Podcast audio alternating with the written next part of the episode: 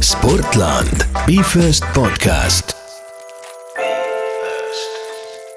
tere tulemast meie järjekordsesse podcasti. saate nimeks on Be First ja meie oleme teie saatejuhid Kairi. ja Sandra. antud podcastis räägime me inimestega, kes on Be First mentaliteediga, tehes kõik oma elus täiskäigul, kartmata olla esimene. ja podcastis on meie eesmärk saada aru, kuidas nende kogemusi ja harjumusi oma elus rakendada paremate tulemuste saavutamiseks. ja täna on meil saates külas üks eriti särav kolmekümnekordne. ma millegipärast arvan, et neid on isegi rohkem jah, juba see võib isegi tänaseks. olla rohkem. kergejõustiklane, elukutseline positiivselt mõtleja minu arust. ja oi kui püss, oi kui püss naine. nii et pange käed kokku, tere tulemast saatesse, Grete Verlin! Sportland, Be First podcast. Tere tulemast saatesse, Grete Verlin! Grete, kas sa tulid jooksuga? ei ei tulnud. olin äh, valmis, aga ma ikka valisin varasema selle bussiaja, et ma jõuaks täpselt kohale, sest sportlane peab ju alati õigel ajal kohal olema ja mulle ei meeldi hilineda. kas see reaalselt ongi niimoodi, et treenerid muidu on nagu lähevad närvi, kui ei jõua õigeks ajaks või? no oleneb treenerist, aga mina üldjuhul nagu proovin alati õigel ajal õiges kohas olla, nii et võistlustel ei saa ju hiljaks jääda, kui starti hiljaks jääd, siis on pidu läbi. väga õige. kas on juhtunud seda kunagi? ühe korra, siis ma sain väga pahandada ka, aga no pakkudele mind lubati, nii et mul võistlemata nagu ei jäänud. okei okay., nii et jah vaatame, äkki see lugu tuleb kunagi siit nüüd niimoodi välja. Ei tea, no see ei olnud, see ei olnud siukene väga hull moment, nii et see oli lihtsalt sihuke šokk ja kõik.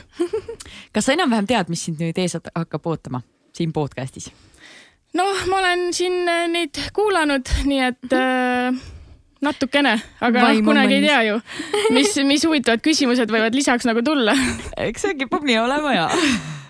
Aga anname stardipaugu meie esimeste mängule. ja, ja kui on äh, keegi, kes kuulab meid täiesti esimest korda, siis me alustame oma saadet alati sellise mänguga, esimeste mäng, meie küsime küsimuse ja sina annad vastuse või siis lõpetad lause, ütleme niimoodi. Kairi, kas ma võin alustada? Go for it.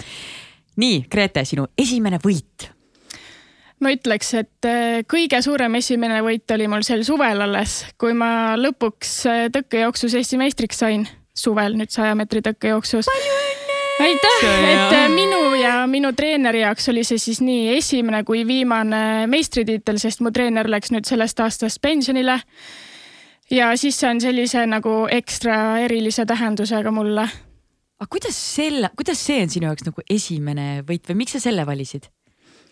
ma kuidagi tunnen, et äh, ma olen mitu-mitu-mitu aastat tahtnud seda nagu saavutada, see on mul olnud kogu aeg eesmärk nii talvel kui suvel. Ja nüüd lõpuks mingi neli-viis aastat hiljem see sai teoks, nii et äh, see on nagu selline suur saavutus minu jaoks. kuigi jah, mõne jaoks võib-olla see ei tundu väga eriline, et Eesti meister on ju, et noh, iga kaks korda aastas on võimalik seda tiitlit on ju võita, aga aga minu jaoks on see jah, selline teistmoodi väga eriline, eriti treeneri pärast. väga äge. aga mis sellel aastal siis teistmoodi oli, et sellel aastal ära tuli see? Kusjuures ma isegi ei tea, sellepärast et äh, ma tundsin äh, suve algul, et äh, tõkkejooks nagu sel aastal väga ei tulnud mul, et pigem ma tundsin, et potentsiaali on rohkem kaugushüppes. aga noh, mul vahepeal eraelus muutusid asjad ja siis ma tundsin, et mul oli kuidagi vaimselt palju lihtsam ja kergem edasi treenida ja võistelda ja vist oligi seal äh, kahe võistluse vahel mul kolm nädalat ja selle aja jooksul ma kuidagi suutsin ennast vaimselt ja füüsiliselt nii paika saada, et äh, ma mäletan eeljooksus, kui ma oma aega nägin, siis ma ei uskunud, mõtlesin, et issand jumal, et see on nagu mingi viga. ei tea, kas see finiš, fotofiniš on lähemale tõstetud, et, et kuidas ma nüüd siis, no ma jooksin pool sekundit kiirema aja, kui ma olin eelmisel võistlusel jooksnud. ja siis noh, ma olin õnnelik, ma tundsin, okei okay, sel aastal on mul võimalus. ma olen heas vormis, ma pean lihtsalt ära vormistama, et ma, mul ei ole muud võimalust, eriti treenerile mõeldes, et ma pean selle ilusa lahkumiskingituse talle tegema. ja finaalis ma tundsin ennast nii hästi, ma olin no heas kohas üldse füüsiliselt ja vaimselt ja ma olin väga valmis ja kui ma seal viimaste tõkete peal nägin, et jah, see tuleb ära, siis ma olin nii õnnelik, ma isegi tõstsin seal finišijoonel käed esimest korda püsti, sest noh, ma muidu väga oma emotsioone ei ole niimoodi näidanud võistlustel, kui mul on hästi läinud, aga sel korral ma lihtsalt, see tuli nii automaatselt, et ma olin seda nii kaua oodanud. kui raske on, kui su pikaajaline treener nüüd siis enam ei ole su treener, see loobumise valu või see lahkumineku valu? noh, ma võin öelda siin, et ehm, enne kui see koostöö nagu läbi sai, siis vahel, kui ma juba hakkasin nagu mõtlema selle peale, et, et noh, varsti siis saab meil see pikk koostöö läbi, kaksteist aastat. et tuli ka pisar silma lihtsalt mingitel hetkedel, sest ma hakkasin nagu tagasi mõtlema, kui palju me oleme koos nagu läbi elanud, mis kividest ja kändudest me oleme üle pidanud ronima et äh, noh, selles mõttes ma võtan seda ka nagu uut algust, et mingi uus võimalus, ma ütlengi oma sõpradele või noh, augustis ütlesin, et kõik on uus septembrikuus, sest et mul tuligi nagu täiesti mingi uus elu. täiesti, ma tunnengi, et mingi uus lehekülg on elus. ja ma olen nagu valmis selleks. Et uh, uue treeneri ma leidsin endale ka õnneks päris kiirelt ja endise treeneriga ma suhtlen siiamaani edasi, et ta helistab mulle vähemalt korra nädalas. ma usaldan teda, ma saan talle kõik oma eluasjad ära rääkida, et, et selles mõttes selline väga ilus ja rahulik äh, lõpp oli sellel koostööl. Nii äge. Wow.. Me kindlasti jõuame nendest asjadest veel rääkida, aga lähme meie esimeste mänguga praegu edasi, võtame mm -hmm. järgmise küsimuse.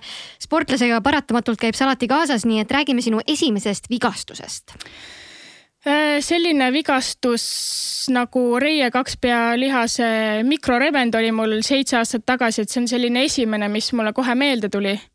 et see tegelikult ei olnud küll midagi hullu ja nüüd ma saan nagu tagantjärgi aru, miks mul võib-olla oli vaja see vigastus läbi elada. Et kunagi ammu-ammu olid mul tagaküljed hästi nõrgad, noh, reie kakspea lihas on siis tagaküljelihas, kes ei tea.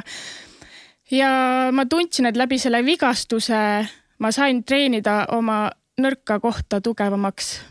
et, et võib-olla kui seda vigastust ei oleks juhtunud sel ajal, kui see juhtus, siis noh, see oleks kindlasti kunagi hiljem juhtunud ja võib-olla ma ei oleks selliseid tulemusi noorena saavutanudki, kui ma ei oleks nagu ühte sellist, noh, ma ei teagi, kaua mul see vigastuse taastumine siis kokku oli umbes noh, ütleks, et aasta sest ma ikkagi oma võistlushooaega tegelikult noh, pooleli ei jätnud, kui see vigastus juhtus. mul oli veel päris pikk hooaeg ees. ma käisin isegi noorte olümpiafestivalil kaugust hüppamas oma mikrorebendiga.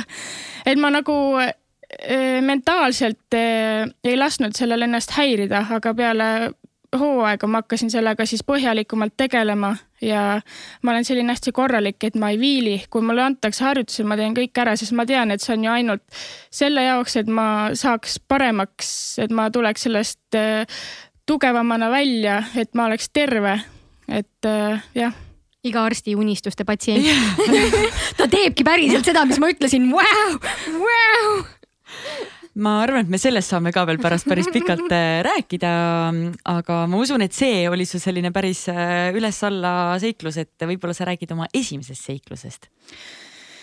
esimene seiklus, no kui ma sellele mõtlesin, siis mul tuli kohe meelde see, kuidas ma esimest korda lõunamaale reisisin ja see oli treeninglaager Hispaanias kaks tuhat kaksteist. see oli mul esimene selline pikk lennukisõit või üldse esimene lennukisõit ja, kohe üksi? ei, ei olnud üksi. no kui ma nüüd niimoodi mõtlen, siis äh, tõeline seiklus võib-olla oligi üksinda, kui ma kaks tuhat kuusteist äh, läbi äh, ühe spordimänedžeri sain võimaluse minna ja treenida Ukraina, ukrainlastega Türgis ja sinna ma läksin täiesti üksinda, ega nemad inglise keelt ei osanud, mina vene keelt ei osanud. Kuidagi ääri-veeri me saime nagu suheldud, ma olin peaaegu kolm nädalat seal nendega koos. Ja noh, see, see oli tõesti üks seiklus, ma kuidagi tundsin, et see oli, see tuli nii õigel ajal, see oli täpselt gümnaasiumi lõpus mul enne eksameid. ja ma sain kuidagi aja maha võtta, ma sain kuidagi rahulikult üksinda olla, no ma olin, ma olin peaaegu kolm nädalat lihtsalt vait omaette seal noh, kui treeningute ajal oli vaja suhelda, siis natukene ikka suhtlesin, aga üldjuhul ikkagi see oli nagu mingi eneseavastus äh, reis mul seal või see noh, treeninglaager siis aga Wow. keelt üldse külge ei hakanud seal äh, kolm nädalat koos olles või? eks seal ütlesid dobre utra ja dobre den ja muud nagu midagi väga ei öelnud, on ju, või spasiba või mida iganes, aga. ja no selles mõttes jah, ma tundsin, et seal lõpus ma juba noh, natukene sain aru, mis nad seal rääkisid, aga mitte päris, et kahjuks ma vene keelt ei oska, kuigi ma väga tahaks osata, aga see kuidagi ei ole mul üldse külge hakanud ja kui ei ole ikka kogu aeg ümbritsetud sellest, siis see, et sa koolis seda õpid, ega ei mäleta küll noh, ma mäletan mingeid täiesti suvalisi sõnu lihtsalt, millega mul ei ole mitte midagi teha. Kott, jolki, podarki, mingi, mis ma teen nendega. jah, et kui lauseid ikka kokku ei oska panna, siis pole midagi teha ju nii on, nii, aga lähme meie esimeste mänguga edasi. meie järgmine küsimus on esimene eeskuju esimene eeskuju oli kindlasti Usain Bolt mm. see oligi, kui ma esimest korda niimoodi pingsamalt olümpiamänge jälgisin kaks tuhat kaheksa aasta, siis ta jäi mulle eredalt meelde, eriti sellepärast, et ta maailmarekordi jooksis. ja kindlasti sellest ajast jäi mulle meelde ka Gerd Kanter, keda ma alati olen, noh, kellele ma olen alati alt üles vaadanud, et ta on minu jaoks selline hästi viisakas ja sümpaatne inimene aga mida sa nende eeskujude pealt kõige rohkem õppinud oled või mis, mis sa, mis sa võtnud oled nendest? ma ei teagi, võib-olla sellist sihikindlust ja seda, et kunagi ära anna alla, et, et paljud või noh, sportlased ju ikkagi peavad aastate viisi tööd tegema, et üldse jõuda nii kaugele nagu olümpiamängud, et võib-olla jah, mõned andekad noored jõuavad sinna kiiremini, aga üldjuhul ikka sportlased peavad väga palju tööd ja vaeva nägema selle nimel, et sinna jõuda, et see on selline nagu kirss tordil üldse sportlastele, ma arvan. ja isegi siis ei pruugi alati õnnestuda, et. äh, jah, aga ma arvan, et paljude jaoks juba see, et nad sinna jõuavad, on väga suur selline saavutus. kindlasti. kuidas sa ise tunnetad, et kas sina oled pigem talendikas või sa oled äh, pigem tööloom?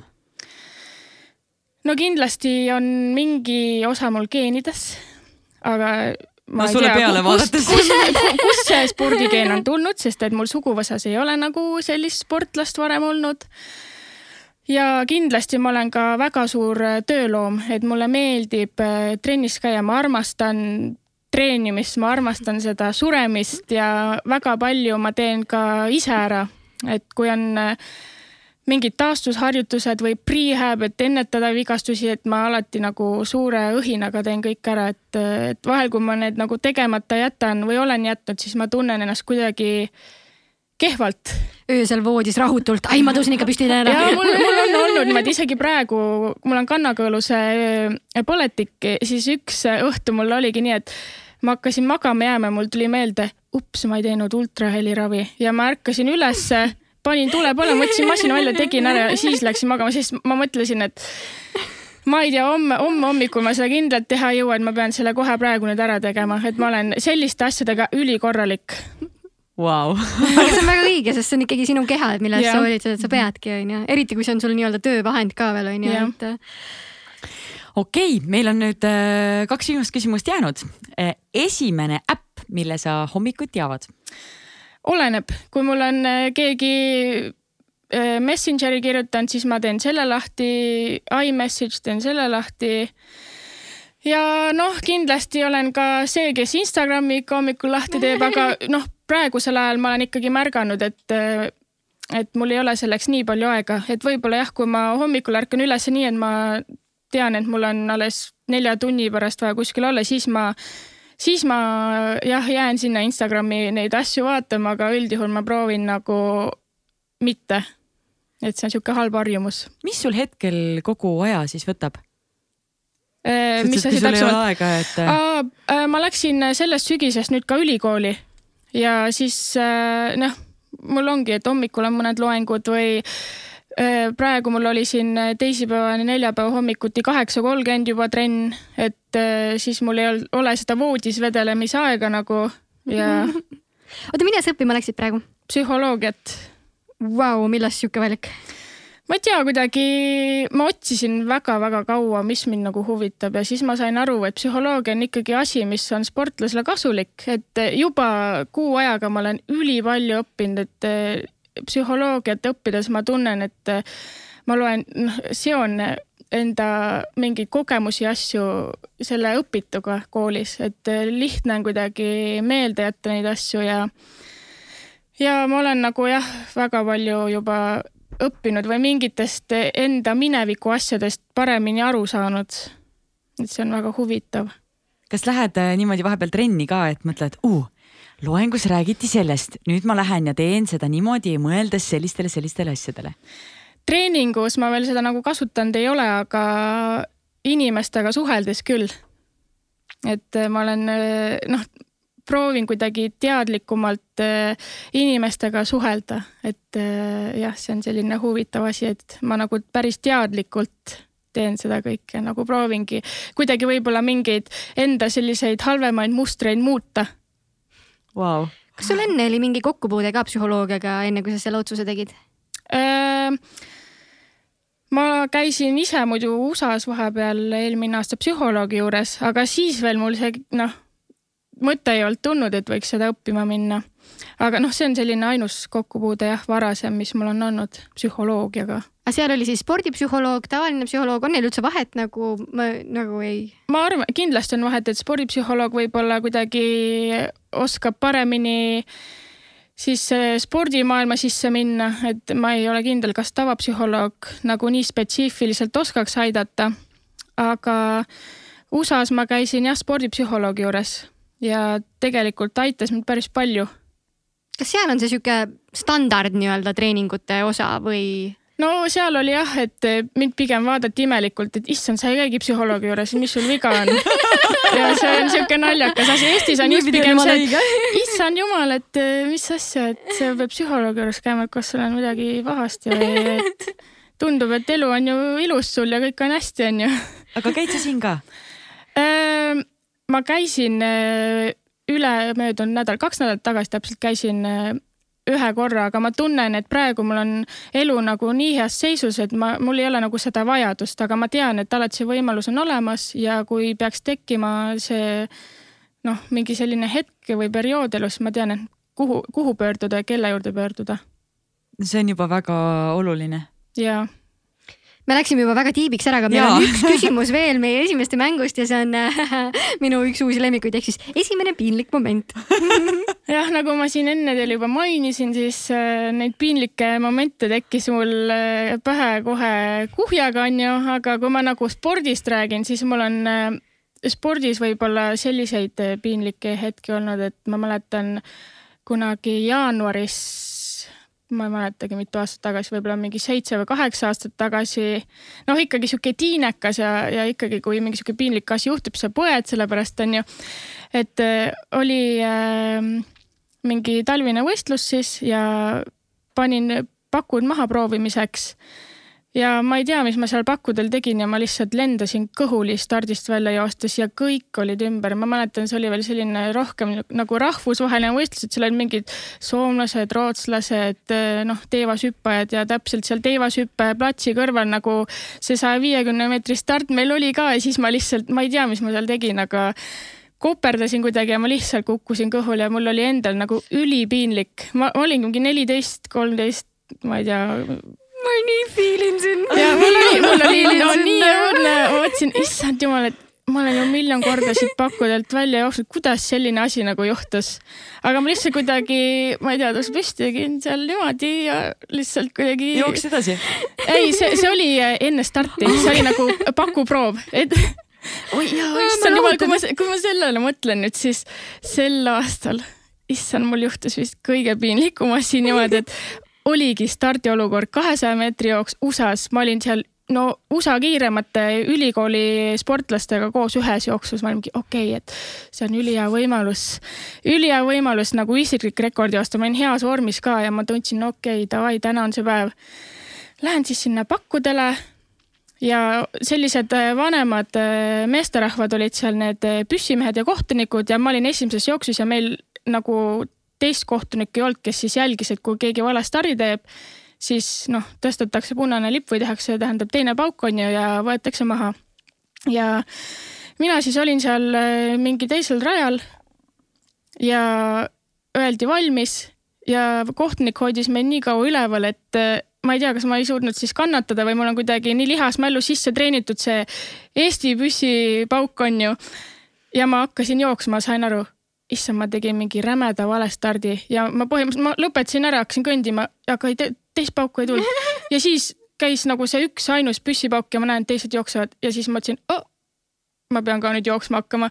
ja pärast, kui ma seda video pealt järgi vaatasin, mul oli no nii piinlik kuskil rahva ees niimoodi, et ma ei tea, kahekümne kolme aastane ja sihukese asja nagu teen. mul oli nii piinlik ja peale jooksu ka kõik ütlesid, issand hea, jumal hea, see taastumine stardist, põhimõtteliselt püsti stardist hakkasin uuesti jooksma onju. ja aeg selles mõttes tuli ka nagu normaalne, aga ma lihtsalt mõtlen, et no Grete Noh, vähemalt ma ei tegid ära, et kui kunagi näiteks olümpial peaks sellist sama asja tegema, siis on juba tehtud ja see on no, out of the system, ma tunnen, et see oli nüüd siis see koht, kus äh, ma õpin, noh, ma pean nagu seda tulevikus vältima nüüd, et jooksed nii kaua, kuni teine pauk tuleb, isegi kui oli vale start. jah, no põhi-, no nii ongi, treener on kogu aeg öelnud, et kui teist pauku ei ole, siis lihtsalt jookse edasi, aga see kuidagi selles olukorras ei tulnud mulle pähe ki, sest see oli nii ilmselge vale start, no väga ilmselge. ja ma ei tea. ja väga no... nadi oleks olnud võita nagu sellises olukorras onju. no õnne, õnneks mul olid seal need no ülikiired, et nemad seal lahendasid selle võiduvärgi ära, onju, aga ikkagi õudne oli. ah nii, nii tore on kuulata, kuidas inimesed. ainus, kes mingi peaga vastu posti hüppab või mingid siuksed või, või tantsulaval spagaadiga oma püksid ära ei, mul tuli. praegu meelde, kuidas ma kergejõustikus reaalselt selles kõrgushüppes hüppasin peaga vastu posti. esimene kord, kui ma võistlustel käisin. no see on selline tavaline vist. see oli nii piinlik, see oli ka mingi kolmteist või neliteist. nii, aga me jõudsime meie esimeste mänguga ühele poole ja me sukeldume kohe sinuga töömaailma. Kas sa ise võtad ennast äh, nagu, kas sport on sinu karjäär või sinu töö? Äh, ma tunnen, et sport on pigem nagu üks osa minust, et ma ei võta seda kui tööd. see on minu jaoks nii loomulik, et ma lähen kas hommikul, lõunal või õhtul trenni, et see on nagu täiesti sisse kodeeritud mulle, et mul ei ole seda, et oh, täna on jälle see trenn või, issand jumal, no mul ei ole sellist asja, et ma kuidagi, see on nii minu sees. mitte kunagi ei ole olnud, ei ole olnud, võib-olla nooremana kunagi wow.. tekkis see, et võib-olla täna tahaks nagu kodus olla, aga noh, lähen ikka käin ära, onju. ma ei tea, kuidas see trenn on nii minu omaks saanud, et aga kuidas see sinuni jõudis üldse? äh, no kui ma mõtlen üldse väga-väga kaugele, siis ma juba mäletan lasteaiaaegadest, et ma olin poistest alati kiirem ja ja algklassides olin äh, üks aasta vanematest poissidest äh, parem näiteks kaugushüppes. et äh, poisid alati võrdlesid end minuga, ma mäletan seda. aga ma jäin silma ühele kehalise kasvatuse õpetajale, noh, ta ei olnud minu kehalise kasvatuse õpetaja, ta oli nagu minu kooli vanemate kehalise kasvatuse õpetaja ja talle ma jäin siis silma sellega, et äh, ma Nõmme koolide vahelisel võistlusel hüppasin kaugust äh, päris kaugele ja siis ta tuli mu juurde ja ütles, et kuule, et ähm, mul on õde treener. et kas oleks huvitatud äh, tema juurde trenni minema. ja ma arvan, et äh, mul läks umbes aasta aega, et äh, noh, lõpuks siis äh, see asi ära teha ja, ja seesama kehalise kasvatuse õde oli ka kaksteist aastat mu treener. kas, kui palju, mis alasid sa üldse teinud oled? Äh, kunagi üli-ülinoorena, kaheteistaastasena ma tegin ühe korraga mingi üheksa võistluse läbi Uno Palu, Palu, Palu, Palu. ma arvan, et jah, see oli vist üheksa võistlus. nii et äh, seal ma, mis ma tegin, üheksa võistlust, mis sealt siis ma ära ei tea, oli mingi pallivise ja sellised, noh, sellised noh, basic, see oli okei. sihuke lastevõistlus. aga ma ei tea, ma ei ole näiteks äh, odaviset väga proovinud või teivashüpet, ketast, vasarat, need on sellised asjad, mis mulle nagu ei ole istunud või noh, ei ole kuidagi tõmmanud ja pole isegi huvi olnud, et proovida niimoodi. su kehatüüp on ka vist natukene teine nagu teiste alade jaoks no ma ei pigem. tea, mulle ikka öeldakse, et, et tee seda mitmevõistlust seal, noh, on odavis ikka sees, on ju. Mhm. aga mul kuidagi jah, ei ole seda kätte antud, et, et ma ei oska näiteks kuuli isegi tõugata, minu jaoks ma ei saa aru nagu selles, ma noh, ma ei tea. kogu fookus läheb jalgade peale, jah? no tegelikult kuulitõukes on ka jalad No. no., see on plahvatus, aga ma ei, ma ei saa pihta sellele, ma olen nii palju proovinud ja treener alati naeris, et no sinust siin küll kuulitõukajana asja ei saa, onju. ja lihtsalt noh, me nagu vahelduvuse mõttes tegime päris palju kuulitõuget kunagi, ma mäletan, aga ikka noh, ei saanud pihta. aga mis sul praegu trumpalad on? Äh, no ikka tõkkejooks ja kaugus. et sprint on olnud alati selline kontrollala mul. et äh, noh, lähen kahesaja starti, no vaatan, kontrollin oma vormi, et äh, palju mul siis varu on või kas ma olen äh, parem kui eelmine aasta või halvem kui eelmine aasta. et äh, noh, mulle lihtsalt meeldib seda teha. sprint siis sada meetrit. kuuskümmend, sada, kakssada, et äh, kõike, rohkem. kõike. kahesajast ma üle ei lähe, ma ei, ma ei suuda. kas, kas sa oled muidu, mis on kõige pikem distants, mis sa kunagi jooksnud oled? mitte võistlustel, aga üldse? üldse, ma arvan, mingi kümme kiltsa. järgmine projekt, Grete läheb Grete maratonile. ei, maratonile, sportlane, sportlane. alustame, alustame sellest kergemast poolmaratonist. aga mis sa arvad, kui sa läheksid poolmaratoni tegema praegu, kas, kuidas sa ära kestaksid? Mm, suudaksid üldse nii aeglaselt joosta või nagu tagasi tõmmata ennast? ei, no ma olen üliaeglane jooksja tegelikult. ma kuidagi nagu pika, pikematel distantsidel mul kuidagi üldse ei keri nagu, mulle meeldib tegelikult nagu joosta küll, aga ma ei tea, mul ei ole võhma üldse, et eh, neid distantse läbida, et ma ikka kannatan vahel korralikult, aga lihtsalt ma surun selle kannat-, noh, selle valutunde nagu alla ja jooksen edasi, aga ma ei tea, päris vabatahtlikult ma nagu praegu veel poolmaratoni või maratoni jooksma ei läheks. No aga sinna väikse motivatsiooniga äkki ikka mingi hetk tuleb nagu see mõte ka pähe. võib-olla kunagi jah, tulevikus, no selles mõttes jah, ma olen mõelnud küll, et no kõik sportlased, kes on lõpetanud vähemalt ühe maratoni, jooksevad läbi nagu ka Gerd Kanter jooksis just alles onju. et eh, jah, never say never, et eh, võib-olla kunagi kauges tulevikus ma ikka proovin ära. oota, kas Gert pani täispika või ta tegi seda maratoni kombot? minu arust ta tegi maratoni kombot ma ei ole kindel. Mis asi on maratoni kombo? Tallinna maratonil sel aastal niimoodi, et sa võisid joosta nelja jooksuga äh, siis äh, maratoni kokku, et sa pidid lihtsalt äh, või oli isegi rohkem neid jookse, nagu ühe päeva jooksul või nagu ei, ei, ei, kolmekümne päeva jooksul Aa. võisid joosta, selline asi. Aga see ei ole ju maraton. sellepärast see ongi maratoni kombo. Võib-olla. Astume paar sammu tagasi ja räägime sellest äh, sinu Ameerika kogemusest siis, kui niimoodi võib öelda, et äh, miks sa otsustasid äh, USA-sse minna?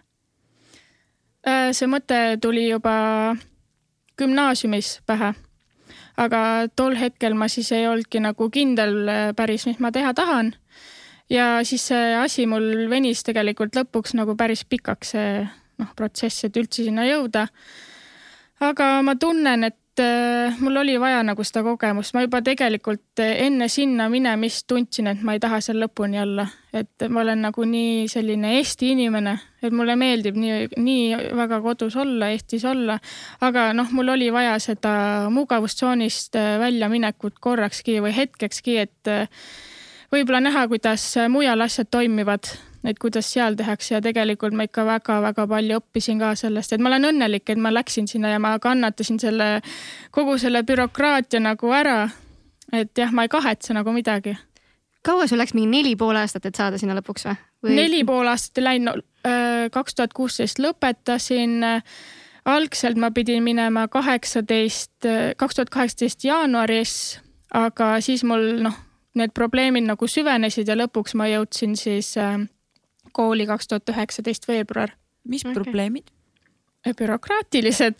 noh, seal öö, on öö, see süsteem nii range, et kuna ma olin kunagi kaks tuhat viisteist käinud ühel kommertsvõistlusel, kus ma auhinnarahasid tegelikult ei saanud, aga aga NCAA ehk siis see organisatsioon, mis seal üldse noh, kogu spordivärki kontrollib ja haldab, on ju et äh, nemad siis äh, seal ütlesid, et kuna sa oled kommertsvõistlusel käinud, siis sa oled saanud ka auhinna kohale või koha eest auhinnaraha äh, ja sa oled profisportlane.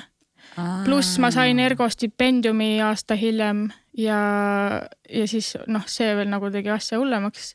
ehk siis ma oleks pidanud lihtsalt tuimalt neile valetama, et ma ei ole kuskil käinud, ma ei ole midagi saanud, aga ma no, kuidagi nii aus inimene, et ma ei suuda sihukest asja teha, kuigi tegelikult ma noh, idee poolest ikkagi oleks võinud teha, sest väga paljud teevad seda lihtsalt, et vältida siis seda, mida mina pidin üle elama. Mul keegi ütles, ajakirjanik, kes kirjutas nii ilusasti, et äh, annetasid oma raha ära ja nagu maagiliselt profisportlasest sai amatöörsportlane. Nii oligi, mulle anti valik, et äh, anneta kas sinna või tänna, saada meile sellest tõestus ja oled amatöör. Täiesti müstiline lihtsalt wow.. et ega, ega ma ei ole ainus ja ega ma ei jää ka viimaseks, kes niimoodi on pidanud tegema, nii et minu jaoks oli see ka noh, selles mõttes, et neil läks pool aastat aega, et seda ühte asja mulle öelda. jaanuaris hakkas mul või tegelikult isegi detsembri lõpus hakkas nagu see jama mul pihta. ja selle ühe konkreetse asja nad lõpuks ütlesid mulle vist mai alguses või aprilli lõpus välja, et see oli nagu no nii kaua võttis neil aega ja pluss veel noh, sellele lisaks pandi mulle siis ka tulevikuks mingid piirangud ja karistused peale. et mida, mida ma teha ei tohi ja, ja USA-sse minnes äh, ma eelmine aasta pidingi terve sisehooaja ja välishooaja vahele jätma, sest see oli karistus, mida ma pidin kandma. kas see kogu asi tõepoolest oli nüüd väärt seda, et sa olid seal? ma tunnen, et tegelikult oli küll, sellepärast et äh, sel aastal nüüd ma sain lõpuks võistelda seal ja see noh, oli üks mul parimaid sisehooaegasid üldse kogu kaheteist aasta peale, nii et äh, ma olen nagu rahul ikkagi, sest et see oli, ma õppisin sellest nii palju, ma sain nii palju erinevates kohtades nagu reisida, erinevatesse osariikidesse ja nii palju nagu uusi tutvuseid ja üldse nagu nii lahedate inimestega koos treenida, nii lahedate inimestega koos võistelda. Et see nagu vibe oli USA-s tegelikult trennis täiesti teistsugune kui Eestis on, et jah. aga kas see treeningmeetod ka kuidagi erines, et sul nüüd tulemused läksid nagu veel paremaks? ja seal oli igal alal oma spetsiifiline treener et tõkkejooksus oli mul oma treener, kauguses oma treener, sprindis oma treener, jõusaalis oma treener, et ma tunnen, et see tegelikult äh, päris palju andis juurde ka, et ma väga palju tehniliselt äh, mingeid nagu asju muutsin ümber. mis sa tunned, mida sul veel oleks vaja nüüd juurde, et see järgmine siis äh, samm teha oma arengus? ma tunnen, et mul on päris palju kinni toitumises. et toitumine on selline asi, mida ma ei ole nii väga jälginud aga tegelikult see on Vaatad sportlase jaoks. lihtsalt ja siis mõtled nagu what?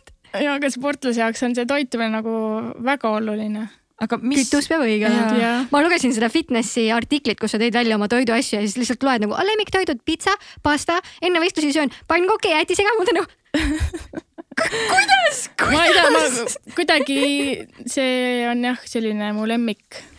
aga, aga su keha järgi ütleks, et sa sööd ainult salatit ei, sala-, noh, ma peaks tegelikult rohkem salatit sööma, aga eks mul on see ka, et ma olen nii pikk ja noh, ma ei tohi ka liiga vähe kaaluda. Ja siis ma nagu iseenda peas mõtlen, no selge, ma siis noh, võin nagu lubada neid natuke selliseid rasvasemaid ja raskemaid toite ka endale.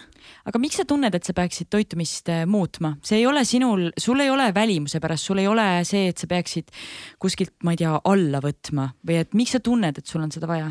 No nagu Kairi mainis, siis äh, samamoodi ütlen ka mina, et õige toit on äh, tegelikult inimese kütus samamoodi nagu inimene peab magama, ta peab vett jooma, siis samamoodi on äh, sportlasele ka see toitumine väga oluline, kõik need toitained, mis ta saab ja ma ausalt ütlengi jah, tunnistan, et see on mul selline asi, mis ei ole nii paigas, kui võiks olla. aga USA-s sa siis toitusid kuidagi teistmoodi või kus sa võtad, et see mingisuguse vahe sulle sisse tooks? Toitusin küll jah, sellepärast et USA-s ma elasin omaette ja kõik see söök, mis majja tuli, me ise käisime poest ostmas, on ju, ja, ja meil oli oma sportlaste söökla, kus siis äh, pakuti kvaliteetsemat toitu kuigi noh, selles mõttes, kui ma mõtlen, tegelikult äh, ma võtsin seal ka päris palju kaalust juurde, kuigi ma ei söönud rämpsu. mul, ma just tundsin, et mul kuidagi toitumine oli parem. Aga ma noh, ma ei tea, võib-olla mul oli mingi stress või koduigatsus, noh, tänu millele siis lisakaal natukene ka juurde tuli, võib-olla ka lihasmass, sest et ma tegin ikkagi seal intensiivsemat äh, jõutreeningut. ja lihas kaalub rohkem kui rasv. nii et võib-olla on selle taga ka see kaal jah sa oled rääkinud erinevates artiklites ka nendest trennidest, mis seal oli ja sa ütlesid, et teisipäev on sihuke nagu surmatrennipäev, et sul oksendad põhimõtteliselt selle lõpus nagu. kas päriselt on tippspordis vaja nagu nii hardcore'i, nii piiri peale minekut? Ma arvan, et selles osas on paljudel nagu erinevaid arvamusi.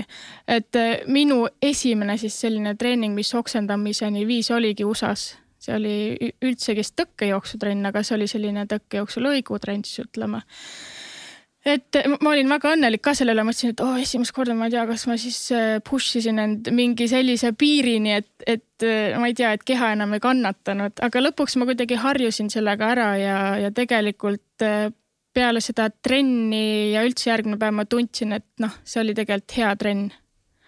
et äh, ei olnud sellist mõtet, et oh, ma ei tea, jälle oksendan siin, et ma ei taha nagu, et jätan pooleli, ma oksendasin ära ja ma tegin nagu edasi aga nüüd ma nagu tunnen, et eh, eriti selle tõkkejooksu äh, lõigutrenniga, ma olen seda ka Eestis teinud, et mul on võib-olla kuidagi keha sisse kodeerinud, et kui ma seda trenni teen, ma oksendan ja mul on Eestis ka olnud, et kui ma seda olen teinud, siis ma olen oksendanud. see ei tundu väga hea kehale nagu, see tundub nagu väga paha plaan no ma ei tea, kas noh, võib-olla ma lihtsalt annan endast nii palju sellel treeningul, et eh, noh, see lihtsalt mm -hmm. tuleb, ma ei saa nagu seda tagasi hoida või kuidagi kontrollida, et kui tuleb, siis tuleb, pole midagi teha.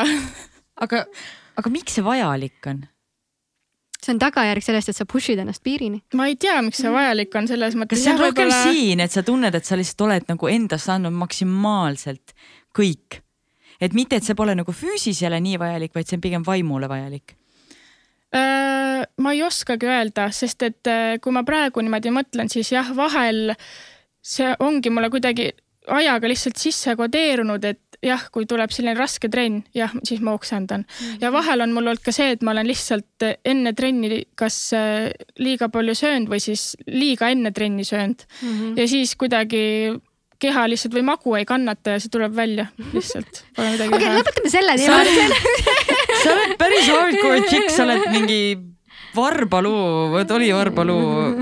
Kairi, tuleta mulle meelde ja ei, siin oli, ma vaatasin äh, neid Varba tulemusi võistlustel, mis sul oli, et sul oli, kõigepealt said kopsupõletikus, jooksid oma kõige parema aja, siis sa tegid varbalumurruga veel mingeid tulemusi seal, et nagu miks sa ei istu pingile ja ei võta rahulikult? sa teed nimelt seda see kõik juhtuski selle aasta alguses USA-s ja kuna ma teadsin, et see on mu esimene ja viimane nagu võimalus üldse seal äh, võistelda, siis ma mõtlesin, et ei, et isegi kui mul on see varbalumurd, isegi kui mul on see kopsupõletik, muidugi see ei ole õige, niimoodi ei tohiks, aga kuna ma teadsin, et see on mu esimene ja viimane võimalus, siis ma lihtsalt elan selle üle ja ma tundsin, et mu keha tegelikult harjus sellega ära.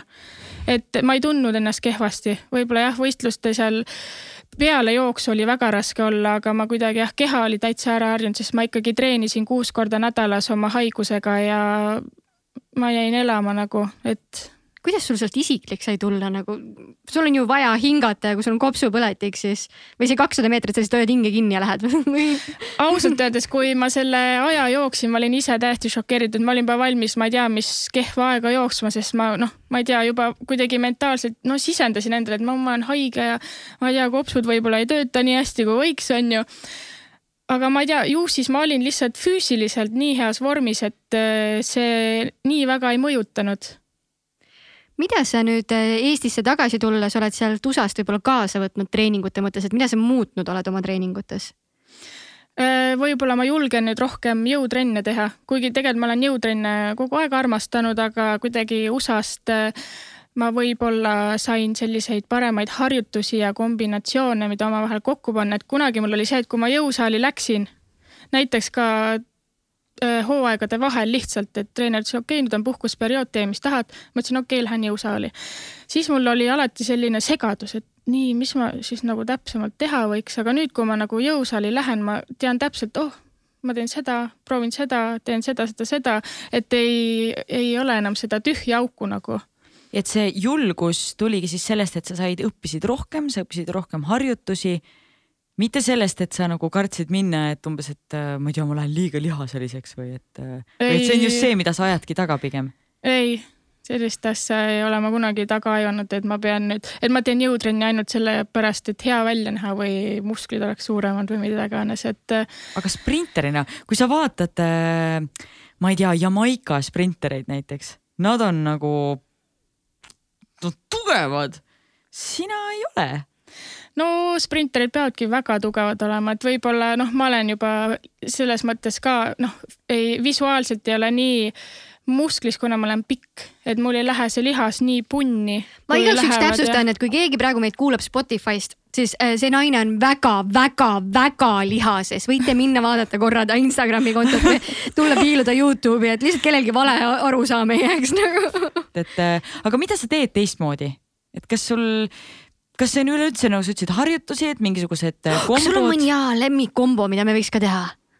täiega tahaks proovida mingi uut jõusaalis. et, et joosta kiiremini tõkkeid, jah ma ei, saaks üle tõkkegi üldjuhul mulle tegelikult äh, meeldib äh, täiega rinnale võtta, see on täiesti tavaline harjutus, aga mulle nii väga meeldib ja siis mulle meeldib äh, tagakülge teha hästi palju no,. see on selline lemmikasi mul ka, eriti nagu seda Nordic Hammi, aga mitte see, et ma all lasen alla ennast äh, kõhuli põrandale, vaid ma tõstan ennast nagu üles-tagasi. et see on üks mu selline lemmik. see on oh, õudustunne nagu ju, nagu see on tõesti õudustunne nagu harjutusena. aga selle harjutusega tuleb olla ettevaatlik, eriti kui esimest korda oled tegemas, see on nagu krambi võimalus on seal väga-väga suur, et äh, et see peab ikka meeletu tugevus olema tegelikult, sa suudad ennast tagasi tõmmata, et negatiivseid teha on palju lihtsam, et aga see tagasitõmme sealt on no,. ja eks kunagi, kui ma noorena seda proovisin, ma alati, ma ei tea, oigasin seal mm -hmm. valust, et ja noh, läksidki tagaküljed krampi, aga tänu sellele vigastusele ma tegin nii palju siukseid eh, spetsiifilisi kergeid eh, harjutusi tagaküljel, et lõpuks, kui ma nagu sellest välja tulin, ma suutsin nagu seda harjutust teha. nii äge see on nii äge, kui sa jõuad millegini ja see tuleb nagu lihtsalt välja ka veel. aga mm, kui sa mõtled korraks äh, USA peale, siis seal on ikkagi suurem osa sportlasi on äh, prof-, prof-, professionaalid, nad teenivad sellega raha. nüüd, kui sa oled tulnud siia tagasi Eestisse, siis äh, kuidas sa tunned, kas sa sportlasena, hästi lihtsalt küsides, kas sa saad hakkama? no kuna ma käin hetkel koolis ka, siis ma Äh, tunnen, et äh, mul ei ole nagu mingit aega näiteks, et tööle minna, et äh, ise endale seda raha teenida, mida siis spordi jaoks kasutada. et ma olen tänulik oma vanematele, kes lubavad mul kodus elada ja ma olen hetkel nagu piisavalt raha kogunud, et ma saan ise hakkama. aga noh, üks päev võib ka juhtuda, et see raha mul otsa saab Äh, siis noh, siis ma ei tea, mis ma teen, ma ei ole plaani välja mõelnud, aga mul noh, mingeid sponsoreid ega toetajaid selles mõttes rahaliselt ei ole ühtegi, mitte ühtegi. aga kas sa oled proovinud leida mõnda või kui lihtne või raske see üldse Eestis on saada ma rahasponsoreid? ei ole proovinud, et ma kogu aeg mõtlen, et peaks, aga ma ei ole veel alustanud. et ma ei oska kuidagi alustada, sest mul ei ole seda kogemust ja et eh, noh, aga koostööpartnerid ma... sul ikka on, et sul on varustuse partner kindlasti. ja, ja see on juba väga suur pluss, sellega ma hoian väga palju kokku ja nüüd sellest aastast äh, spordiklubi ka natukene nagu toetab mind ja aitab mind, et, et see nagu vähendab väga palju kulusid aga kui palju see kaasa aitab, noh, üks asi on see, et sa näed visuaalselt väga ilus välja, mis tähendab, et sind tahetakse tõenäoliselt kampaaniatesse kaasata, onju. aga sul on sotsiaalmeedias ka päris suur jälgijaskond, et kas see võib-olla aitab ka natukene ikkagi koostööpartnerite leidmisel? ma arvan küll aga ma ei ole nagu selles mõttes, ma ei halda oma Instagrami selle jaoks, et eh, teha neid koostöösid, et eh, kui neid pakkumisi tuleb ja need mulle sobivad, siis ma võtan vastu. aga mille järgi sa otsustad, mis nagu on okei okay ja mis ei ole? ma ei teagi, ma kuidagi loen eh, läbi, mis need tingimused nagu on, et vahel ma tunnen küll, et mingi pressure on, et oh, jälle peab mingi loosi tegema, et ma tunnen, et ma kuidagi noh, ma ei taha oma feed'i rikkuda, ma ikkagi tahan olla sportlane ma ei mm -hmm. taha see noh, nii palju neid asju nagu seal eh, kuhjata ja reklaamida, aga noh, see on paratamatu, kui ma olen olnud nõus selle nagu tingimusega.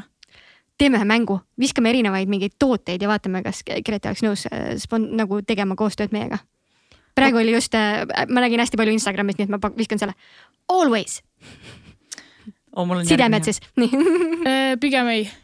About you ei äh, alkoholifirma? ei äh,. ma ei tea, mingisugune allilma need toidulisandid, no mingisugune väike toidulisandite asi.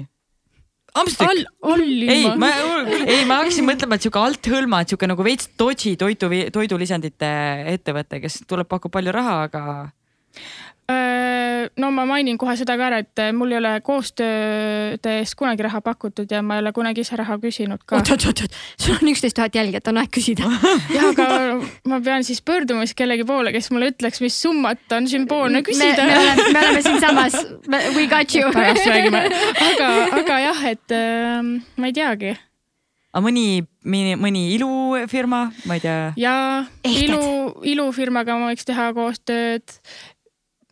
oleneb, mis ehted on, kui mulle visuaalselt meeldivad, miks mitte. kas on mõni bränd, millega sa tahaksid kindlasti koostööd oota, teha? mul on üks veel, mida No, ma testiks hasartmängud. ei. Aga ma tegelikult ma ei tea.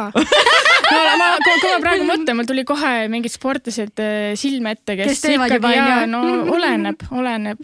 aga vaata, kuidas mõjub, et kui teised juba ees on teinud, et siis on nagu natukene nagu. ja võib-olla, kui ma oleks kõige esimene, siis ma mõtleks, et kas ikka teeks, aga noh, hasartmängudes on ju ikkagi palju raha, nii et oleneb. aga kas on mõni bränd, millega sa kindlasti tahaksid koostööd teha? ma ei tea, Nike oli see ainus, kes noh, kellega ma nii väga tahtsin teha ja ja õnneks see nagu õnnestus ka, nii et äh, praegu ma ei ole nagu mingit sellist järgmist asja valmis valinud enda jaoks. aga kas sa tunned, et see, et sa oled, sa oled ikka väga paljudes Sportlandi kampaaniates ka olnud, et kas sa tunned oma mõju või oma kuidagi mõjutust läbi, läbi selle ka, et ma ei tea, ma ei ole osanud kuidagi nagu näha seda, võib-olla kui ma teeks mingi küsitluse, siis võib-olla inimesed oskaks paremini vastata, et kas selline asi kuidagi päriselt ka mõjub neile, aga ma loodan, et mõjub. et võib-olla mõni inimene on läbi selle sattunud minu või mõne teise kontole Instagramis või ükskõik kus noh mujal ja, ja läbi selle siis inspiratsiooni ammutanud. No ma ma võin öelda, päriselt mõjub nagu lihtsalt teed selle Instagrami lahti, siis vaatad jälle keegi teeb mingit sporti ja on tubli ja siis sa mõtled oh,, fine, kus mu tossud on. ja ongi ja, ja minul endal täpselt samamoodi, et sa tegelikult saad aru, et see, kes sinuga räägib, kes sulle siin peas ütleb, et Sandra, sa oled täna liiga väsinud ja see on, see on ikka suurem osa ajast on see laiskus. et kui sa ikkagi saad aru, et sa oled päriselt väsinud, siis, siis tegelikult me kõik teame ju, et me ju lihtsalt valetame väga tihti iseendale. ja mis ma tahan öelda, et see viimane Sportlandi kampaania, kus sa tegid, kus sa selle äh,, mis iganes see trap äh,, Jaa, see, millega jaa. neid kükke tegid, siis mul oli küll niimoodi, et tahaks juuksi minna. davai, sain tõmmata tossud jalga, let's go lihtsalt. et mõjub, mind oled mõjutanud. väga tore, seda on hea kuulda nii, aga me oleme nüüd äh, tööst rääkinud päris pikalt. räägime natukene, kui me juba alustasime sellel teemal, et äh, sinu mõju nii-öelda teistele inimestele, siis mis sa arvad, kuidas meil ühiskonnana täna üldse on, et kas me liigume piisavalt palju, kas me hoolitseme enda eest piisavalt?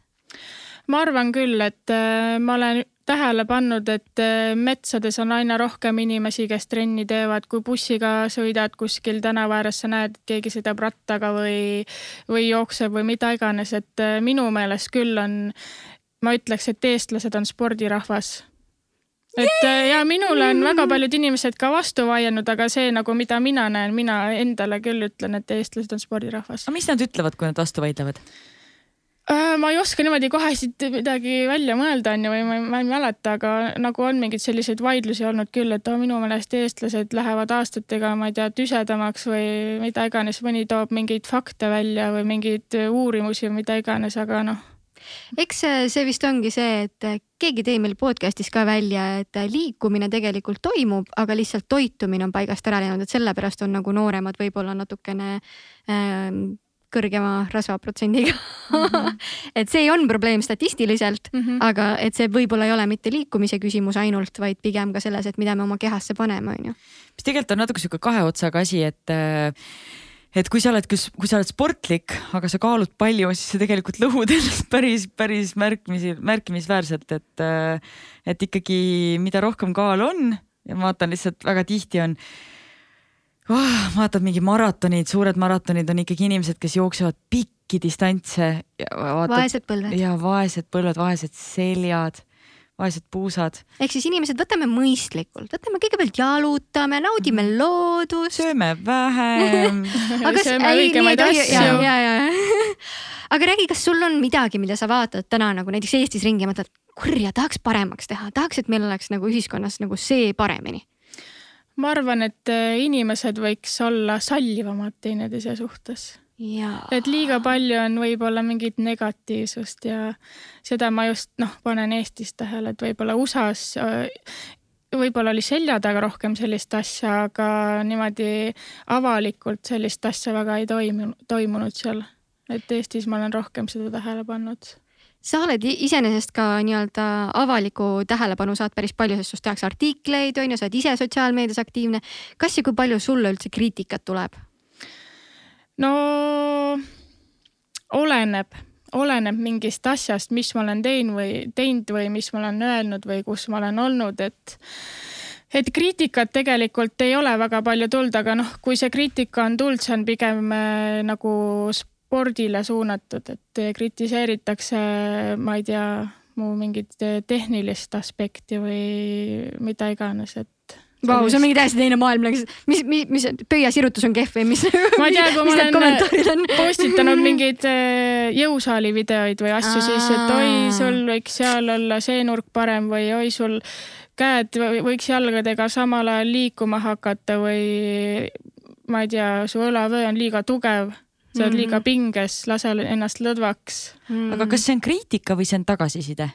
no pigem ma ütleks tagasiside mm. -hmm. et äh, jah, ma nagu ei pane neid sellesse halba nagu kastikesse, et, et kui midagi nagu sellist öeldakse, siis ma ikkagi noh, ma ise jälgin seda ja järgmine kord ma nagu proovin ka paremini siis võib-olla teha, aga eks oleneb sest mulle tundub, et tegelikult teie ikkagi teete väga palju spetsiifilisi harjutusi. ma ise, ise mäletan ennast, kui ma olin algaja treener ja olin just tulnud mingi koolituselt ja siis läksin umbes vaatasin oh, see teeb valesti, see teeb valesti, siis tegelikult said aru, et need olid kulturismi, nad tegid kulturismi siis võistlusteks treenisid ja nad treenivadki teistmoodi. Nende eesmärk ongi hoopis teine, et ma ei tea, et võib-olla sinul on samamoodi, et, et sa teed mingisuguseid asju justkui nagu valesti sellepärast et saada siis see tulem, mida sul, sul on just spetsiifiliselt tarvis no kui ma jõutrenni teen, siis ikkagi jõusaalis võiks need nurgad on ju paigas olla, aga noh, ma mõtlen, et paljud treenerid on näiteks mulle tõkkejooksutehnikat äh, kritiseerinud, et äh, mõned ütlevad, et peaks rohkem ründama ja ette kallutama, mõned ütlevad ei, et see, mis sa praegu teed, on hästi, aga pöid võiks rohkem enda peale hoida. Ja need nagu asjad, mida mulle öeldakse aastast aastasse, on tegelikult samad ja ma ise tean enda neid vigu ja ilmselgelt, kui noh, ilmselgelt mu eesmärk ongi neid vigu parandada, aga see tegelikult ei ole nii lihtne, kui ma olen, ma ei tea, kümme aastat kogu aeg selle ühe sama tehnikaga nagu jooksnud, et eh, lihasmälus on see juba nii kinnistunud. et eh, noh, sellepärast ma ju trenni teengi, et tegelikult tehniliselt eh, veel paremaks saada ja need asjad nagu paika saada ja samas kehad on ju ka erinevad, on ju, et see, mis on sinu ideaalne tehnika, kuidas võimalikult kiiresti liikuda, ei pruugi olla see, mis on nagu textbook on ju. kui palju sa näiteks äh, sotsiaalmeedias, näiteks, näiteks Instagramis jälgid teisi sportlasi ja vaatad näiteks nende videosid ja sealt õpid äh,? mulle meeldib teha autogeenset treeningut, isegi ma üldjuhul ei vaata Instagramis, kui mul on nagu vaja sellist mingit tehnilist inspiratsiooni, siis ma pigem vaatan Youtube'ist. et äh, mul on olnud isegi ka selline äh, asi kunagi viis aastat tagasi, kui oli U kakskümmend kolm EM Tallinnas. siis see oli see aasta, kui ma hakkasin uuesti nagu tõkkeid jooksma ja siis ma juba noh, pidin neid õigeid naiste tõkkeid jooksma, kõrgemaid. kui kõrged Seda... need on? tunduvad mega kõrged. Äh, kaheksakümmend kuus mis tundub nagu mingi meeter kakskümmend. no me meestel on üle meetri, nii et aga jah, siis ma mäletan seda, et ma oma silmaga nägin neid tõkkejooksjaid ja järgmine trenn, treener ütles mulle, et issand, mis sul nagu juhtunud on või et kuidagi tehniliselt oled palju parem. ma, ma ütlesin jah, et ma nagu jälgisin ja ma ei tea, see on minu jaoks nagu nii huvitav asi, kuidas inimene tegelikult eh, noh, ka visuaalselt või üldse nagu niimoodi saab õppida ja paremaks minna kui on mõni noor kergejõustiklane, kes praegu kuulab, siis kas on mõni leht või mõni Youtube'i channel, mida soovitaksid vaadata näiteks äh,? mul ei ole kahjuks niimoodi siin midagi kohe tagataskust välja võtta, aga lihtsalt äh, kui ma tahan, ma ei tea, kaugushüppe tehnilise või tehnilist mingit inspiratsiooni, siis ma, ma ei tea, vaatan näiteks olümpiamänge, ma vaatan neid erinevaid tehnikaid.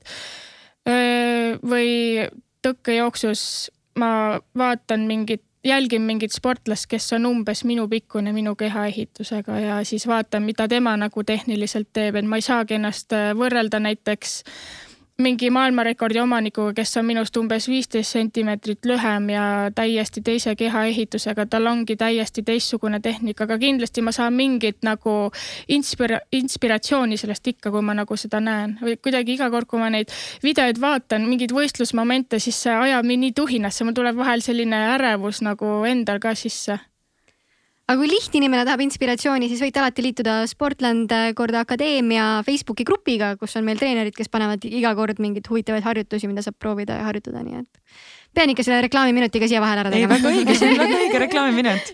inimesed. kõige ägedam grupp üldse nagu, kõige Jaa, ägedam grupp liigume, üldse. liigume, aga mm, kui me just rääkisime, me just korra rääkisime Sportlandist ja sellest enne ka, et äh, sina oled viimase kampaania üks nägudest, siis mis sa arvad, mis peaks olema see slogan või see üleskutse, mis, mis paneks inimesed liikuma? ma ei tea, selline täiesti klassikaline terves kehas terve vaim, ma arvan olümpiakomitee sai hakkama sellega, oli onju? jah, et äh, kui äh, sul ikkagi füüsiliselt ei ole need asjad nii tasakaalus, kui võiks olla, siis ilmselgelt sul võib-olla ka muud aspektid elus võivad sellepärast nagu kannatada. et ma tunnen, et üldse treening on selline koht, kus sa saad olla iseendaga ja see on minu jaoks on see nagu mediteerimine, selline meditatsioon täielik kas isegi tipptasemel, sest ma kujutaks nagu ette, et kui sa tipptasemel sporti teed, siis see on ikkagi vaimselt väga-väga raske. see oleneb hetkedest, aga üldjuhul iga kord, kui ma trenni lähen, siis see on koht, kus mul mu ka kõige mingid suuremad ja hullemad elumured ununevad ära kasvõi tunniks ajaks. täiesti nagu kaovad ära, et ma täiesti keskendun ainult sellele treeningule ja selle treeningule ja sellele harjutusele või asjale, mis mulle on nagu antud aga kas võistluste hetkel ei ole nagu raske, et sul on mingi kakskümmend neli sekundit, et tõestada ennast, sa võid nagu kõik tuksi keerata. et kas sa siis kuidagi suudad ennast vaimselt või mis sa siis teed? see on ka kindlasti asi, mida peab õppima. sest et eelmine aasta näiteks, kui ma käisin äh, U kakskümmend kolm EM-il, ma olin äh, üliheas vormis ja mul kadus jooksu ajal fookus ära niimoodi, et äh, ma sain aru, noh, ma kuidagi tundsin, et ma hakkasin enne jooksu esiteks võrdlema ennast teistega, ma vaatasin, et ajaliselt ma peaks seal jooksus olema umbes kuues-seitsmes. ja tolle jooksu ajal ma nägin, et issand, ma olen teine ja ma sain aru, mul kadus see fookus ära ja ma kukkusin. ja ma sain tol ajal või noh, selle, sellest ma nagu õppisin, kui oluline on tegelikult mõttega sada protsenti keskenduda lihtsalt sellele ühele hetkele ja asjale, mida sa teed, sa saad neid nagu mõtteid ka hiljem mõelda aga lihtsalt see oli nagu selline valus õppetund mulle aga kas sa täna treenid ka kuidagi seda, et olla nagu kohapeal ja fookuses? teadlikult mitte, sest et noh, nagu ma ütlesin, siis iga trenn, mis ma teen, ma proovin alati sada protsenti keskenduda sellele, mis ma teen. nii äge see on nagu täiesti teine maailm lihtsalt, ma nagu I would crumble under the pressure lihtsalt ma oleks stardis käed-jalad värisevad, oksendaksin sealsamas ja nagu. ja see on mul kunagi olnud ka noorena äh, ma arvan, et see on, see oligi lihtsalt mingi vanus, kus ma hullult põdesin ja ma läksingi starti, ma olin kogu aeg hästi närvis, ma higistasin, isegi ühel võistlusel oksendasin suhu endale ja see, see oligi, see oli ka EM kolm aastat tagasi, aga ma olingi, ma olin nii närvis lihtsalt. ja, ja siis äh, mingil hetkel lihtsalt, kui tuli järgmise aasta hooaeg peale ma tundsin, et mul on see ära läinud, kuidagi üle läinud ma korra lihtsalt üks tähelepanek, et Kairi, sa ütlesid, et, et sa ei tea, kas sellega hakkama saaks ja sa rääkisid enne Grete nagu spordigeenist, et sul justkui nagu on see sees, aga sul peres ei ole keegi väga sportlik inimene. lihtsalt hüpotees. mulle tundub, et see ei ole see, et sul on nagu spordigeen, aga sul on mingisugune vastupidavus, sul on nagu mingi sihuke nagu resilience ehk siis sinul äh, väljendub see spordis. aga näiteks, kui mina vaatan Kairit, kui Kairi teeb tööd või kui näiteks ta teeb mingisuguseid ettekandeid, siis see on täiesti nagu klass omaette. et lihtsalt, et see on, see on mingisugune muu asi, mitte see, et sa oled, oo, sa oled spordigeen, vaid et sul on see tahe et see, kuidas see, milles see väljendub, see on siis juba, kas see on kunst või see on laulmine või see on, ma ei tea. näita minu poole laulmine ei, et, et selles mõttes, et mulle kohati tundub, et me paneme ennast nagu mingisugusesse piiridesse, et sul kas on spordigeen või mitte, aga see on, see on see nurture versus äh, nature natuke, et, et sulle midagi on antud, see, mida sa sellest, ma ei tea, savist siis nagu teed, on juba sinu enda teha. et aga, aga see tahe teha peab olema. No kui sa ikkagi asja väga armastad, siis see tulebki loomulikult. et sa kuidagi avastad, et noh, see lihtsalt on mingi sinu asi. aga lihtsalt ongi see, et, et sa pead, sa pead lihtsalt leidma selle õige asja, et see, see noh, see olgu see siis sport näiteks, sina, sinu tahe teha öö, väljendub spordis, sinu tahe teha väljendub töös, sest et sa teed seda lihtsalt nagu nii hästi et või ma ei, ma ei oska seda kirjeldada. ma, arvan, et see on õigus, et kui sa armastad midagi, siis sa oled nõus selle nagu crap'i läbi tegema ja nagu vastu pidama kõik asjad selle nimel, et seda teha. et jah, lihtsalt, et ma tahaks inimestele öelda, et see kõik on õpitav või see kõik on nagu arendatav. see tuleb kuidagi ajaga lihtsalt lõpuks jah, et sa et... saad aru, et see on see minu asi. sa mainisid nature versus Nurture. nii et uh, let's talk about nature räägime ja natuke minu lemmikteemast keskkonnateemadel. kui palju sina mõtled sellele, et äh, läbi oma tegevuste, siis igapäevaste tegevuste, et see, et kui palju sa hoiad keskkonda? Kuna mul ei ole autojuhi lubasid, siis ilmselgelt äh, ma sõidan äh, iga päev peaaegu ühistranspordiga, nii et võib-olla see on juba üks linnuke, mis väga suur linnuke, väga suur linnuke. Küll ma need load ka kunagi ära teen, aga ma olen kogu aeg mõelnud, et kui ma Tallinnas elan, mille jaoks mul seda autot vaja on. Ja isegi kui ma kunagi selle auto soetan, siis ma pigem kasutan seda võib-olla mingitel pikematel reisidel, eks ole. Äh, ja ma ei teagi muude asjadega, ma nagu igapäevaselt äh, selle peale ei mõtle niimoodi, et äh, noh, et mis ma nüüd siis täna võiks teha, et natukene loodust säästa või kuidagi parem olla. Et võib-olla ka näiteks prügi sorteerimine või see, kui ma näen, et mingi asi lendab tänava peal ringi, siis mul ei ole raske seda asja kätte võtta ja ise prügikasti viia, eks ole. ja ma ei teagi, rohkem nagu ma ei oska niimoodi mõelda küll, et jah, ma olen äh, shopahoolik, seda ma tunnistan, et seda ilmselgelt ma võiks äh, nagu vähendada seda kiirmoe asjaga või hullusega kaasa minemist. Aga muud asjad, nagu ma arvan, et äh, noh, on enam-vähem kontrolli all aga kas sa oma riideid saadad teisele ringile ka nii-öelda, et müüd edasi mingites keskkondades või asjades või viid tasakast? müün edasi või annan õdedele, et või, või siis äh, viin kuskile, annetan ära, et. ma arvan, et su õed on praegu, su õed on praegu niimoodi, et ei, ei, ei, ei, ära palun saa sellest, sellest harjumusest üle, et see on ju. ja nad õige vahel küsivad, et kas sul ei ole neid äh, mingeid trenniriideid siin veel üle või et ma olen hästi palju oma jooksutosse niimoodi neile ära jaganud, et õnneks mul on palju õdesid-vendi, kellele neid nagu anda. et ei ole probleemi. palju teid on siis kokku nüüd? mul kaks venda ja kolm õde. kuidas wow. on nii suures peres elada?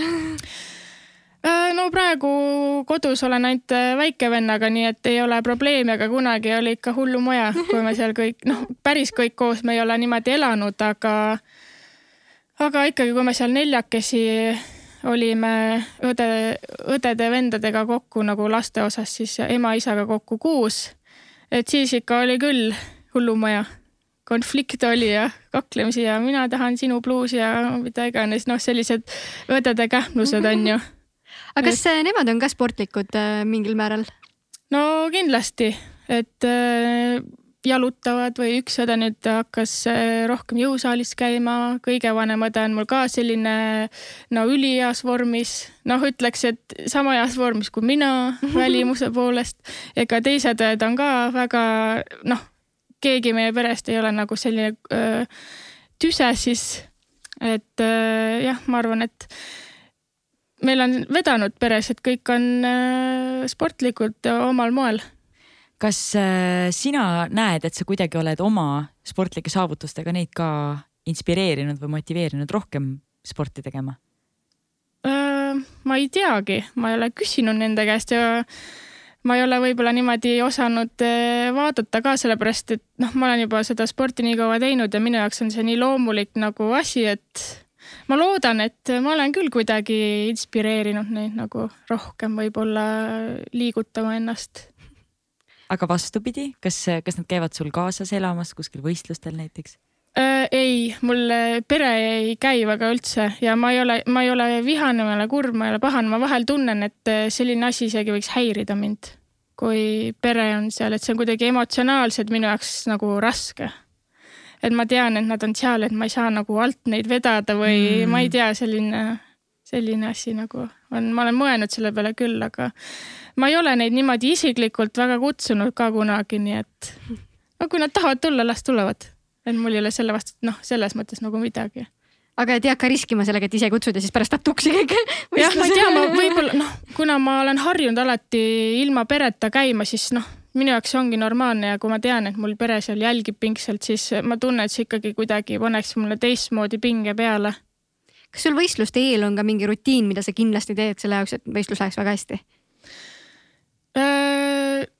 ma arvan, et äh, rutiin on juba näiteks soojenduse tegemine mul, et äh, ma üritan kuidagi seda samamoodi läbi viia iga kord. Aga et... ei ole nii, et äh, kaelakee peab olema paremal pool ja vasakus jalas peab sokk olema tagurpidi ja siukseid asju ei ole? sellist asja ei ole veel välja kujunenud, aga mine sa tea, võib-olla tulevikus on mingi selline oma kiiks. aga ma vaatan, et näiteks see suurvõistlustel on alati sportlased on ennast hästi üles löönud, et neil on äh, meigid on peal ja küüned on kuidagi eriliselt värvitud, et äh, kas sa ka kuidagi sellele paned äh, rõhku? nüüd viimaste aastate jooksul olen hakanud rohkem panema jah. aga mis teema sellega on nagu? Ma ei tea, see suurvõistlus on ikkagi nagu pidupäev.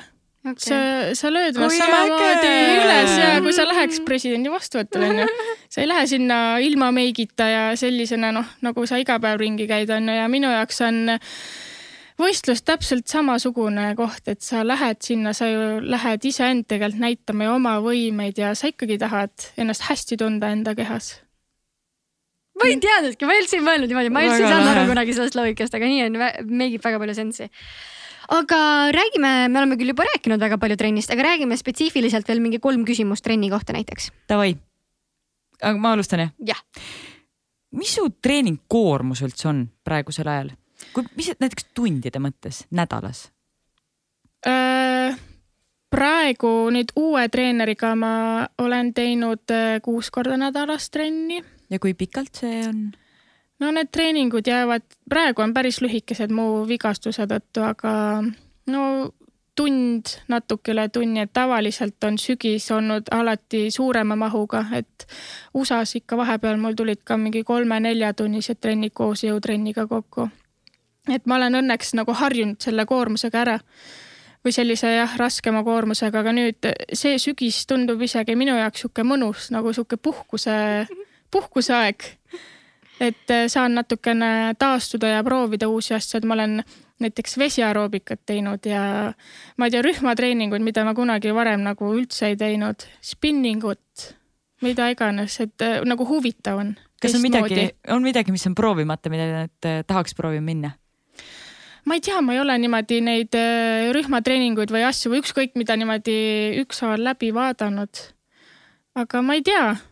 Ma kujutan ette, kui sa Stuudio X-i läheksid, siis oleks päris bänger seal. ma tahaks selle jooksulinni veel näha. sa jooksid selle skill milli katki lihtsalt praegu mul ongi see, et äh, ma ei, ma ei tohi väga Aa, joosta, et, et äh, nüüd ma eelmine nädal hakkasin natukene vaikselt äh, seda harjutama ja proovima ja eks ma pean oma need mingid spetsiifilised nurgad ja asjad kõik nagu leidma, et kuidas mul siis oleks noh, et ma ei, et ma ei vigastaks ennast või oma vigastust hullemaks ei teeks.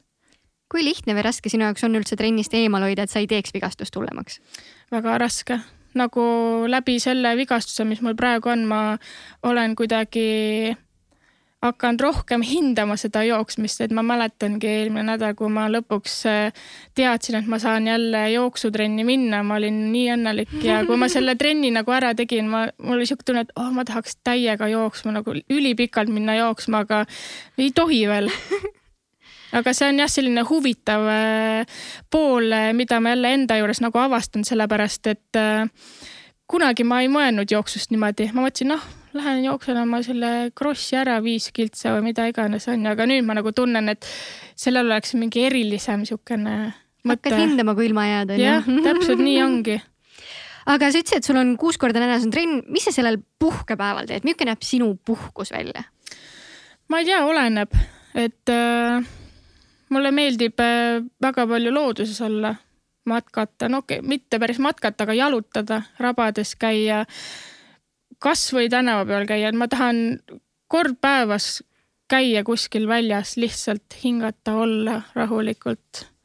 ja ma tunnen, et jalutamine on selline koht, kus ma saan nagu oma energiat laadida ja lihtsalt noh, ma saangi täiesti puhata kõigest, et ma üldjuhul seda telefoni jalutades ei näpi ja ma olengi täiesti niimoodi isoleeritud sellest sotsiaalmeediast ja muust jamast oota, nagu tavainimese jaoks puhkusepäev tähendab seda, et ma panen Netflixi käima, ma võtan krõpsud sülle ja ma chill in diivanil, sul sihukest asja ei eksisteeri?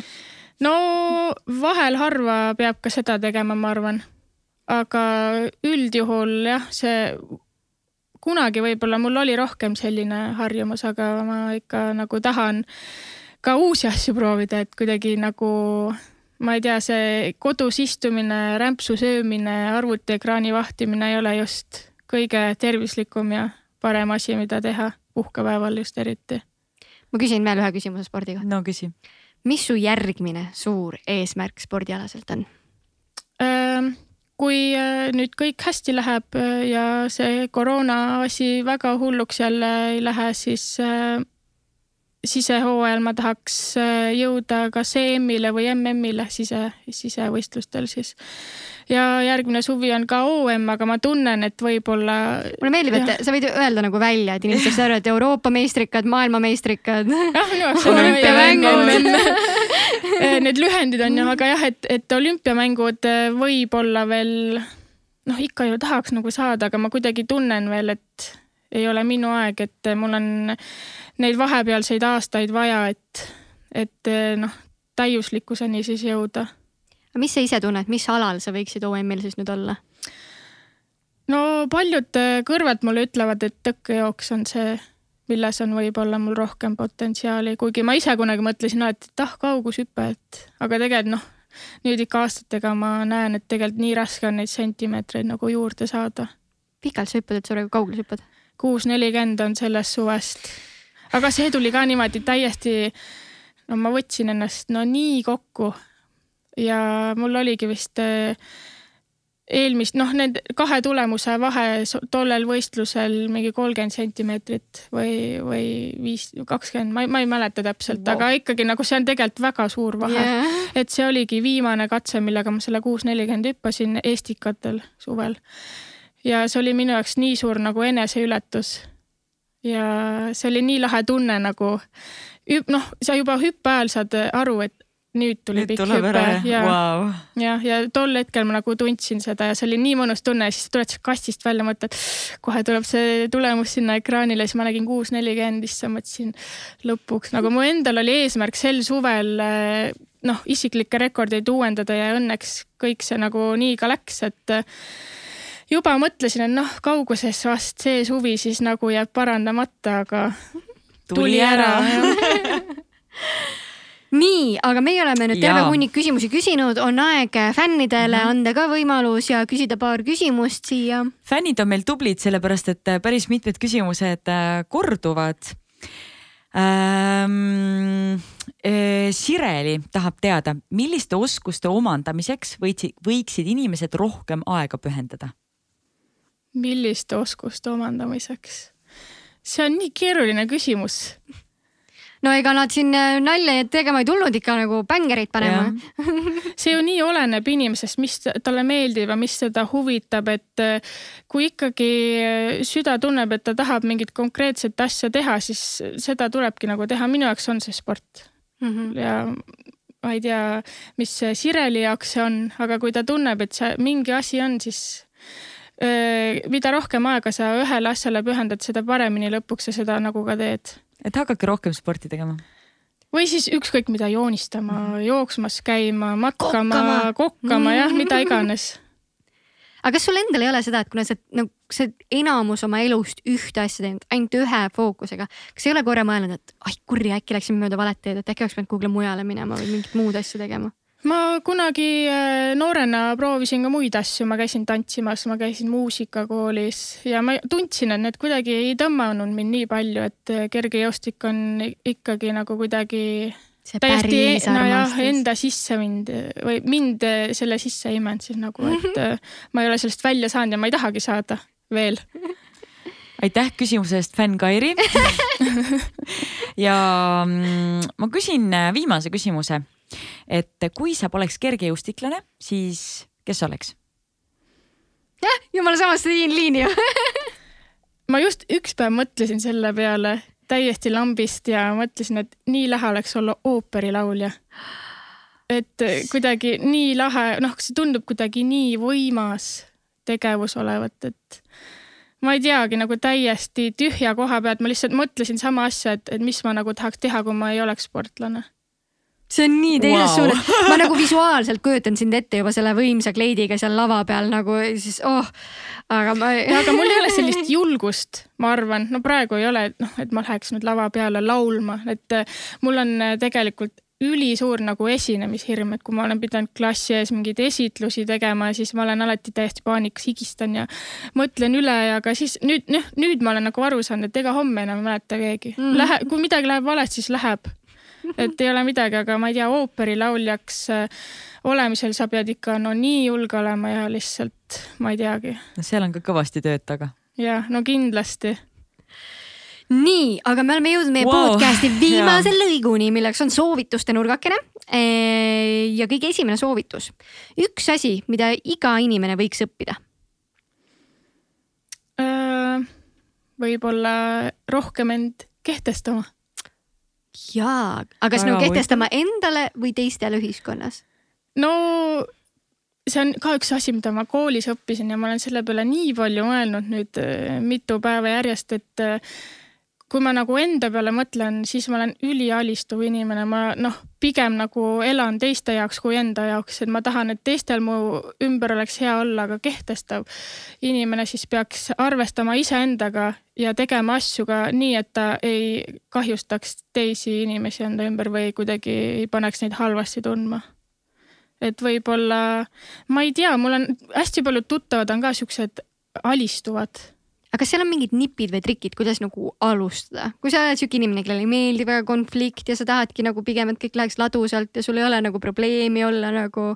no tuleb lihtsalt äh, vaikselt äh, katsetada ja Surpid, proovida. Öelda ei ja öelda, teeme hoopis nii ja. Nojah, noh, põhimõtteliselt jah, et äh, kui ma ei tea boyfriend ütleb sulle, et eh, davai, et eh, lähme Vapianosse sööma, sa ütled jah, ütled no okei okay,, lähme, aga tegelikult sa tahaksid minna hoopis India restorani sööma, siis sa ütled, et ma ei, ma ei taha minna Vapianosse, lähme India restorani, see on siuke lihtlabane näide on ju.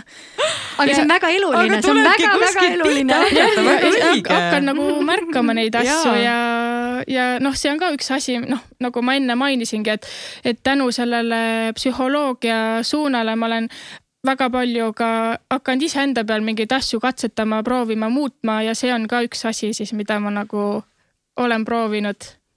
väga põnev, Grete, ma arvan, et sinuga oleks äh, huvitav uuesti rääkida nüüd näiteks mingisuguse aasta pärast, et vaadata, et kuidas sa siis, kuidas su katsetused läinud on, et see võib päris põnev olla. aga üks hea õppekeskkond on ka Netflix, nii et järgmine soovitus oleks võib-olla mõni Netflixi seriaal või film, mida soovitaksid vaadata? Ma ei ole väga palju seriaale vaadanud, aga ma ei, see ei ole küll väga õpetlik, aga mulle meeldib rämedalt äh, Black Mirror.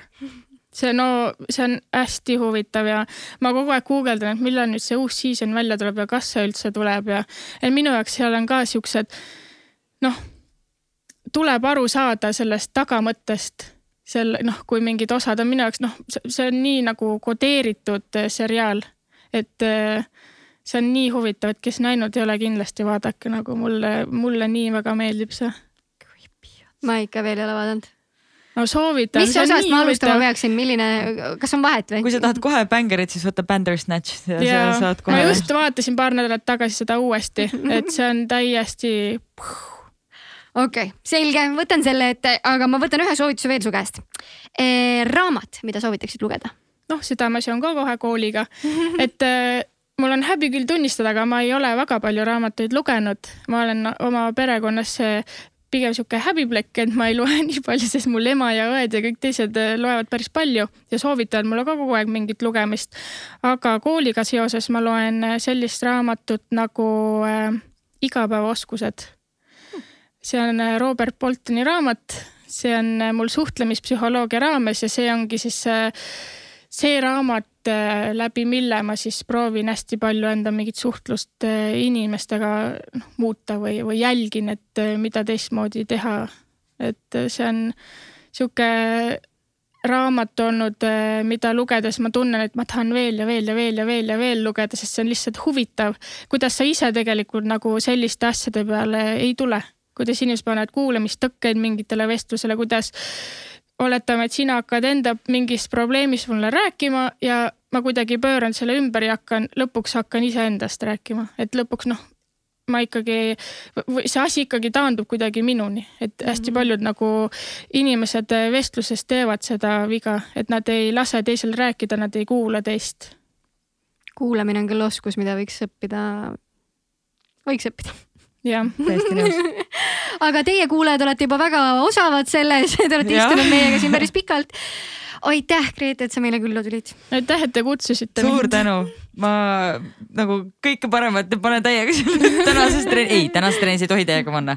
tänases, täna ma ei tea isegi hea, mis mind ees ootab, nii et mul väga ongi huvitav. iga trenn on sihuke jälle väljakutse, et no mis nüüd täna tuleb, et see uus treener ta me ikka teeme temaga täiesti teistmoodi siukseid väga huvitavaid ja uusi asju, nii et iga trenn on sihuke, no nii, mis täna tuleb, väga põnev.